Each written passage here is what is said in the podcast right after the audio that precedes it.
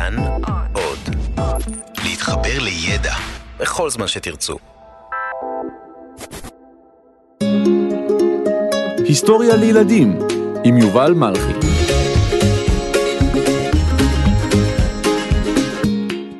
מרדכי מנואל נוח, הציוני הראשון.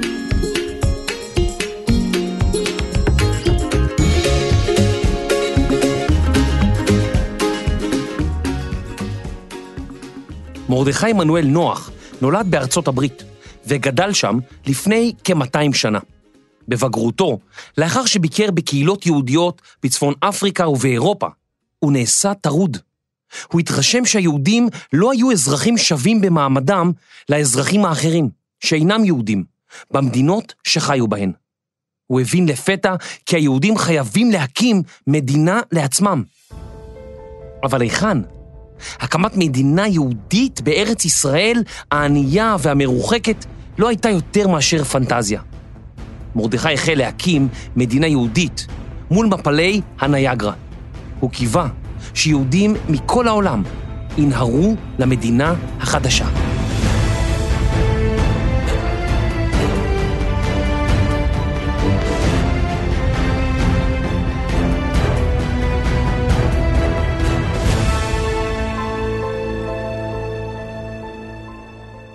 אז איך בכלל הגיעו יהודים לארצות הברית?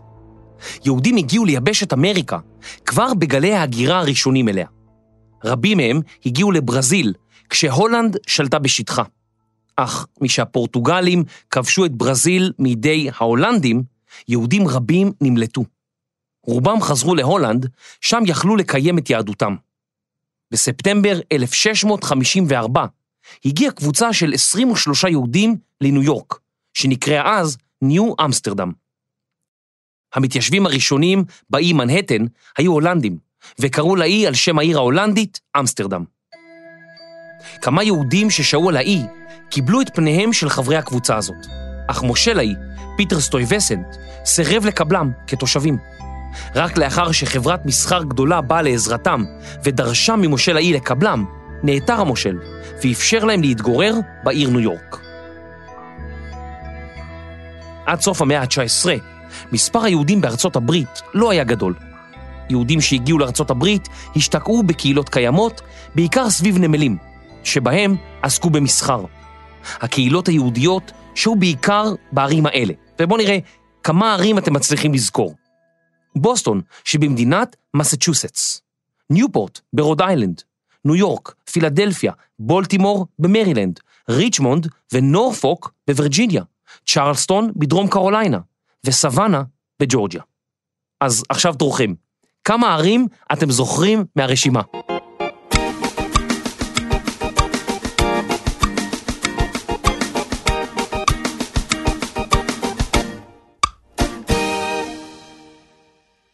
באותם ימים, לפני קצת יותר מ-200 שנה, בשנת 1816, בעיר צ'רלסטון, הייתה הקהילה היהודית הגדולה ביותר בארצות הברית.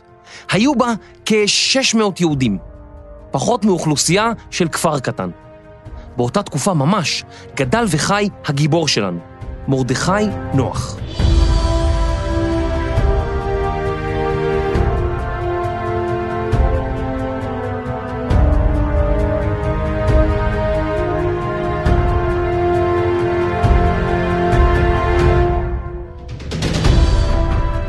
מרדכי מנואל נוח נולד בשנת 1785 בפילדלפיה. אביו היה מהגר יהודי מגרמניה, ששירת בצבא ארצות הברית במלחמת העצמאות, ואף תרם כסף למאמץ המלחמתי. אמו הייתה צאצאית למשפחת אנוסים, שהתיישבה בג'ורג'יה שבדרום ארצות הברית בשנת 1732. אנוסים היו יהודים שאולצו להמיר את דתם, והפכו לנוצרים. בסתר, הם שמרו על יהדותם במשך דורות. מרדכי נוח עסק במסחר ובכתיבה, וכשהיה בן 25 התמנה לעורך עיתון. נוח כתב רבות על ארצות הברית, ונשיא ארצות הברית אהב לקרוא את כתבותיו. בשנת 1813 מינה ג'יימס מדיסון, הנשיא הרביעי של ארצות הברית, את מרדכי נוח לקונסול ארצות הברית בתוניס. באותן שנים התגוררו בתוניס כ-60 אלף יהודים. יהודי ארצות הברית מנו רק עשרת אלפים איש. שלום, אני נוח מאמריקה. תן לי סנדוויץ' טוניסאי. או, בוא נטעם את הסנדוויץ' המקומי פה. אוי, זה טע... אוי, זה חריף. או, מים, מים. למישהו יש מים. אוי, זה חריף. אכלתי סנדוויץ' טוניסאי חריף. תן לי מהר, מים. אוי, זה חריף פה. מרדכי נוח חזה במצב יהודי תוניס, וראה כי הם מופלים לרעה משאר האוכלוסייה. הוא הבין כי כדי לשרוד בסביבה עוינת, היהודים היו חייבים להתעשר, וכך להתגונן מפני אי צדק ואלימות. נוח ביקר גם באלג'יריה השכנה, וכשחזר משם סיפר כי אף על פי שיהודים רבים באלג'יריה עשירים, רוב היהודים חיים בעוני מוחלט. לאחר מכן נסע נוח לאירופה, וגם שם חזה ביהודים שהופלו לרעה. משחזר לארצות הברית, נוח כבר לא היה אותו אדם שעזב אותה. משהו הציק לו. הוא החל להבין כי היהודים לא היו שווים במעמדם ללא יהודים בצפון אפריקה ובאירופה. הוא הבין כי היהודים זקוקים למדינה משלהם.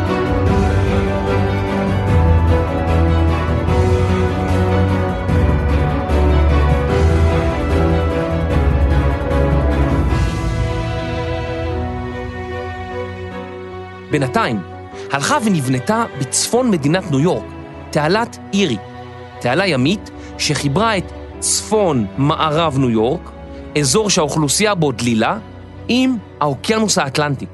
האזור הפך בבת אחת למקום נהדר למגורים, מפני שהוא סיפק תעסוקה, היה אפשר לגדל בו גידולים חקלאיים ולשלוח אותם דרך התעלה החדשה לערים הגדולות בחוף המזרחי ומעבר לים. התעלה הזאת הייתה כמו כביש מהיר, שלפתע היה אפשר להעביר דרכה סחורות. לפתע עלה רעיון במוחו של נוח. אולי אפשר להקים מדינה ליהודים באזור הזה. נוח חקר את האזור וגילה כי יש אי בנהר הנייגרה, ממש מול מפלי הנייגרה, ושמו גרנד איילנד, האי הגדול. האי הגדול שכן מעט צפונית ליישוב בפלו, שבצפון מערב מדינת ניו יורק, והיו בו כאלפיים תושבים. גודלו של האי היה כ-70 קילומטרים רבועים, כשטחן של תל אביב, רמת גן וגבעתיים יחד. לאחר כמה ניסיונות, הצליח נוח לרכוש שטח נרחב באי, והחל להכריז ברבים כי בכוונתו להקים מדינה יהודית באי שמול מפלי הנייגרה. שמה של המדינה החדשה, ערערת. שם סמלי, על שם ההר שעליו נחה תיבת נוח, בסיפור המבול של ספר בראשית. אתם מבינים? נוח, תיבה, ערערת. בקיץ 1825 פרסם נוח קרוז שהופנה אל יהודים בכל רחבי העולם ובעיקר באירופה. נוח הודיע כי הוא מקים מדינה ליהודים, שבה יוכלו לחיות בשלום ובאושר, ולהיות בה אזרחים שווי זכויות. בסוף אותו קיץ יצא נוח לכיוון האי הגדול, גרנד איילנד, מלווה במזכירו האישי. בהגיעם לבאפלו חיכו להם אנשים רבים שבאו לטקס הנחת אבן הפינה למדינת אררט. המתיישבים המעטים שהתגוררו באי גרנד איילנד, שבו התכוון מרדכי נוח להקים מדינה ליהודים, התגודדו וחיכו לו, אך משהתברר כי אין די סירות כדי להעביר את כל האנשים מהעיר בפלו לגרנד איילנד, הוחלט לערוך את הטקס בכנסייה שבעיר בפלו. במרכז העיר החלה צעדה גדולה. בראשה צעד מרדכי נוח, לבוש בגלימת משי בצבע ארגמן, צבע אדמדם, שאת קצותיה איתרה פרוות סמור. על חזהו התנוססה מדליה גדולה. התחפושת הזאת הובאה הישר מאחד התיאטראות שבהם הוצגה ההצגה המלך ריצ'רד השלישי, מאת שייקספיר. מאחורי מרדכי נוח צעדו נגנים וניגנו, ומאחוריהם צעדו תושבי העיר, חיילים, פועלים, בנאים ואינדיאנים, שבאו עם הצ'יף שלהם מקטורן אדום. משהגיעו לכנסייה, ניגנה התזמורת את הנעימה, הנה בא הגיבור הכובש, מתוך היצירה יהודה המכבי, מאת המלחין פרידריך הנדל. כשהמנגינה ברקע עלה נוח אל הבמה ושטח באוזני הקהל את תוכניתו, להקים מדינה עצמאית ליהודים, שתהיה תחת חסותה וחוקתה של ארצות הברית. כאן, בארצות הברית, ארץ זבת חלב, תירס ודלעת, תוקם מדינה שתשמש את בני העם היהודי, עד אשר יזכו להקים את מולדתם בארץ אבותיהם.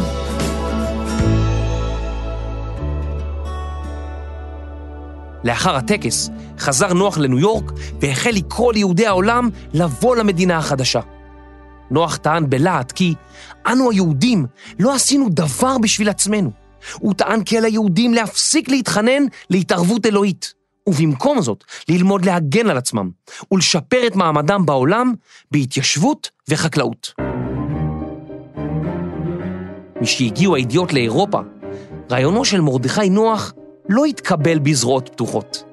להפך, רבנים וקהילות בכל רחבי אירופה דחו את התוכנית. הרב הראשי של פריז, אברהם דה קולונה, כתב, אנו מכריזים שלפי אמונתנו, רק אלוהים לבדו יודע מתי יגיע עידן התחדשותנו, והוא לבדו יידע את העולם כולו על כך באותות חד משמעיים.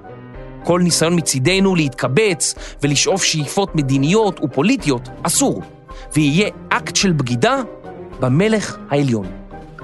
יהדות אירופה, ובמיוחד מנהיגיה, חששו גם כי המדינות שהם התגוררו בהן יראו במעשה של נוח מעשה של בגידה. אה, לא טוב לכם במדינה שלנו. אתם רוצים ללכת למדינות אחרות. אה, ארצות הברית יותר טובה מכאן. לכו, לכו, יהודים, לכו. עד מהרה הצטרפו עיתוני ארצות הברית לחגיגה, והציגו את נוח כבדיחה אחת גדולה. גם עיתון בלונדון צחק על ההצעה כי יהודים יהפכו לחוואים, וכתב דברים אנטישמיים. גאיית הבקר, נכתב בעיתון, לעולם לא תנעם לאוזנו של יהודי, כמו צלצולי מטבעות כסף וזהב.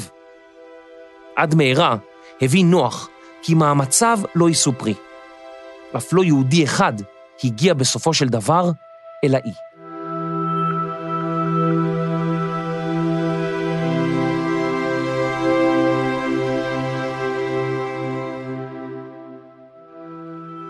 נוח המשיך להטיף לשיפור זכויותיהם של יהודים בארצות הברית וברחבי העולם, והחל לשאת נאומים באוזני קהל יהודי ולא יהודי.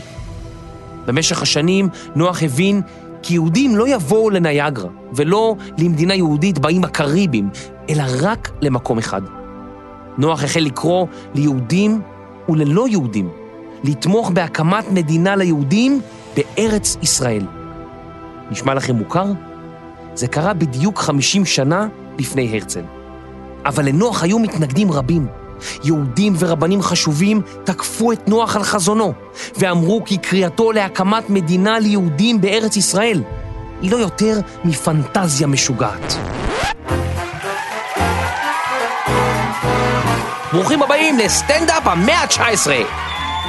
אז שמעתם שיהודים רוצים להקים מדינה בארץ ישראל?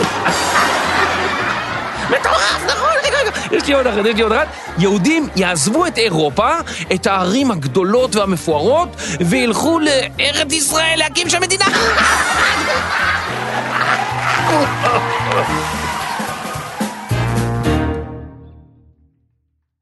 באותה עת שלטו העות'מאנים בארץ. מבקרים שהיו בארץ ישראל תיארו אותה דלה וענייה, מוזנחת ובעלת שלטון רקוב. בדרכים הרעועות ערבו שודדי דרכים, בים ערבו שודדי ים, ורבים מהנוסעים שהגיעו לארץ ישראל רק רצו לברוח ממנה אחרי כמה ימי שהייה במקומות הקדושים. ארץ ישראל לא עניינה איש, ורבים ריחמו על מעט התושבים העניים והמרודים שהתגוררו כאן אז. באותם ימים חשבו היהודים ברחבי העולם כי רק נס יכול להביא להקמתה של מדינה ליהודים בארץ ישראל. אבל נוח לא נרגע. הוא לא ויתר למרות כל המתקפות נגד רעיונו. הוא המשיך להטיף בלהט, וטען כי יהודים צריכים ליישב את עמק הירדן, להקים שם חוות חקלאיות, ולשלח את הסחורה שלהם דרך נמל חיפה לכל העולם. הוא תיאר את יהודי ארץ ישראל כפועלי אדמה חסונים, חופשיים מרדיפות ומאפליה.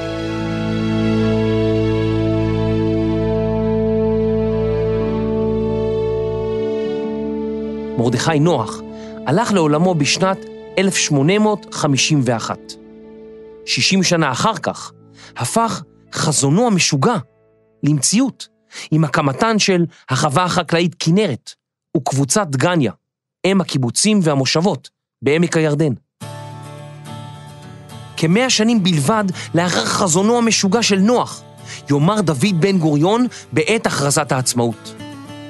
ובתוקף זכותנו, הטבעית וההיסטורית, ועל יסוד החלטת עצרת האומות המאוחדות, אנו מכריזים בזאת על הקמת מדינה יהודית בארץ ישראל.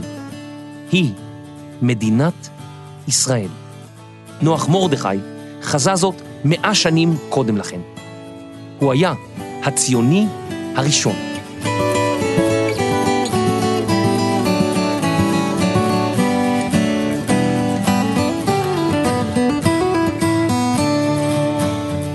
מחקר כתיבה וקריינות, יובל מלכי. עריכת לשון והכנת סנדוויץ' טוניסאי חריף מאוד, סמדר כהן. הקלטה עם תוכי על הכתף, גיא פלוויאן. מיקס, אפקטים וסגן נשיא מדינת ערערת, אסף רפפורט. הפקה ומגורים זמניים מול מפלי הניאגרה, רני שחר ואייל שינדלר. אני יובל מלכי, היסטוריה לילדים.